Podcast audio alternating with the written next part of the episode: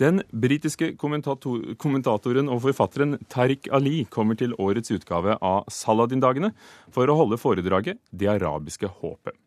Ali er en kjent mann i britisk offentlighet. Han kom fra Pakistan eh, tidlig på 60-tallet. Veldig engasjert på venstresiden, var marxistisk parlamentskandidat i 1974 og skriver politiske kommentarer, litterære essays, romaner og holder foredrag, som det han gjør eh, akkurat når vi går på luften nå. for Derfor har vi snakket med ham litt tidligere i ettermiddag. Eh, han skal oppsummere situasjonen to år etter den arabiske våren. Eh, og da er spørsmålet til Tariq Ali gir uttrykket 'våren' det riktige bildet av hva som skjedde, nå som vi ser oss tilbake? Well, at the time it happened, it did, because in Tunisia and Cairo they were very joyous days. Um, and they remained joyous for, for several months, even though horrible things were happening in Egypt with people being shot dead and killed by the Mubarak regime. On the other hand, since that time, the appellation spring, I think, has become redundant. Uh, what we are witnessing more is something more like the Arab winter. And that is what I've come to talk about in Oslo tonight. What exactly is happening in the Arab world?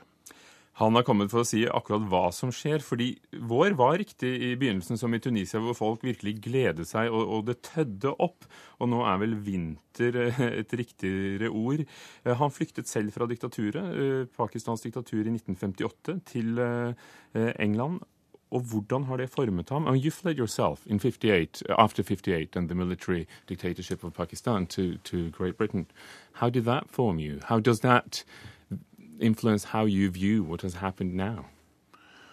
Well, I came to Britain to study at Oxford in 1963 and the military dictatorship didn't let me return, so I was stuck. I didn't want to stay, but I got stuck.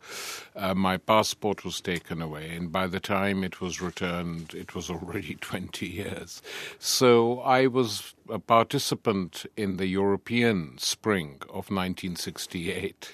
Så han var delaktig altså, i den europeiske våren i 68. Han fikk ikke lov til å dra tilbake til militærregimet. But, but, but do you feel with, what with the people who part of the Arab, Arabic well, Spring I did feel I did feel very strongly with the uprisings in Tunisia, in Egypt, in Yemen, in Bahrain.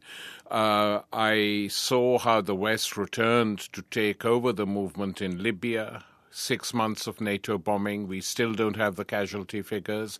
And then now this ugly stalemate that continues in Syria. So the early days were very invigorating, but now I think that the West and NATO have taken over control. Veldig oppfriskende de første dagene, men nå synes han altså at Nato og Vesten har, har tatt kontrollen, uh, slik som skjedde med bombingen i Libya. Uh, og med hans bakgrunn på venstresiden så har det kanskje noe med hvordan han ser Vestens rolle. With your background from the left and also the, the very left of British politics, um, how do you view the West's role? Which role should you have? Because maybe people say that in Syria one should play more of a role, at man skal gjøre mer i Syria. Uh, more of a role and produce a government which is effectively a Sunni Islamist government backed by Saudi Arabia, a confessional government uh, which will please the West by making Syria a neoliberal paradise like Spain and Greece today. That's what we want. Så han er redd for at det skal bli et neoliberalt paradis. Eh, at, at de regjeringen som kommer takket være Vesten, vil være altså, Saudi-Arabia-vennlige. Og, og, da blir jo spørsmålet hvordan skal disse landene balansere interessene? How shall, shall they balance interest between the West's interest? Because there is a balance of power. We do live together, and there is oil.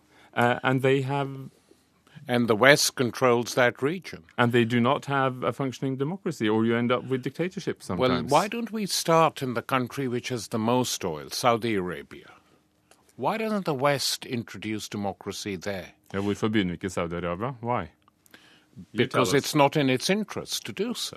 It's very happy with this regime, as they were very happy with the Mubarak regime. Human rights has just become a pillar to bring about change in the interests of the West. And they confiscate movements. They don't liberate people, they confiscate movements.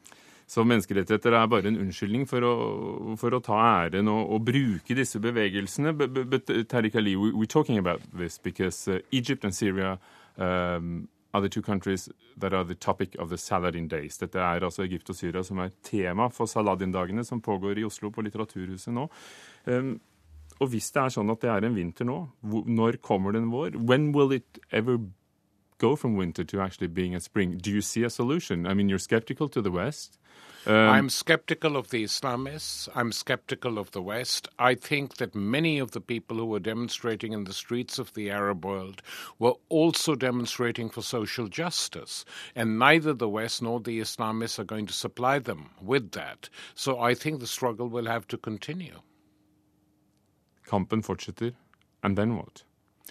And then we see, you know, there are no easy answers. I mean, if you look at what's happening in Europe today, there are no easy answers. It's a huge crisis. Country after country is in a mess, and we pretend that Europe is going to get the solutions to the Arab world.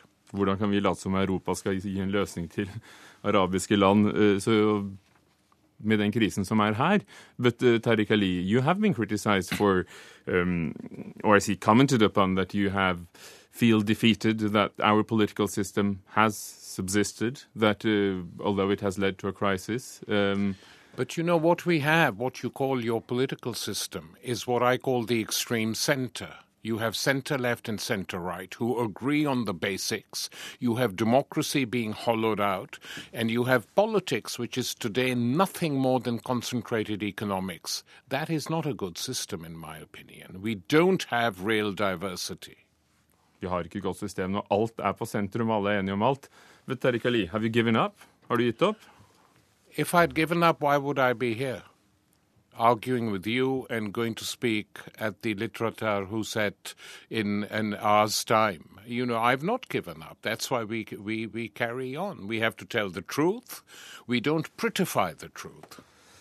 Vi gjør ikke sannheten penere enn den er, men vi må fortelle den. Men um, siden uh, Tariq Ali nå også er forfatter, og vi sitter her i Kulturnytt, hvordan kan alt dette lede til ny kunst, ny litteratur. How will you, and do you think other writers, use what's happening in their writing, in their expression, in their artistic expression? You yourself being both a commentator and a fiction writer. Yeah, I write books, I speak, and that is all one can do at the moment. And I try and tell the truth. But will it fuel your fiction as well? I mean, you've previously written about Islam during the ages? Han har skrevet om islam gjennom tiden. Yeah, I'm at the moment working on a new novel on Mali. Uh, uh, so we will see what comes out. I have been thinking about Mali for two years now. So now I've started writing. Og nå skriver han om Mali, hvor det også er et islamistisk opprør. You don't make it easy for yourself, do you? Sorry? You don't make it easy for yourself. I don't make it easy for myself, but I make it very easy for the Nobel Peace Prize Committee. And I would suggest to them that the next Nobel Peace Prize winner should be the King of Saudi Arabia. Why have they avoided him? Hvordan har uh, freds, uh, Nobels fredspris uh, klart å unngå Saudi-Arabias konge? Det spurte Tariq eh, Ali, den britiske forfatteren, som altså taler akkurat nå på Saladin-dagene i Oslo. Og Saladin-dagene er jo oppkalt etter hærføreren som på 1100-tallet innførte religionsfrihet i Jerusalem, og som valgte forsoning fremfor hevn.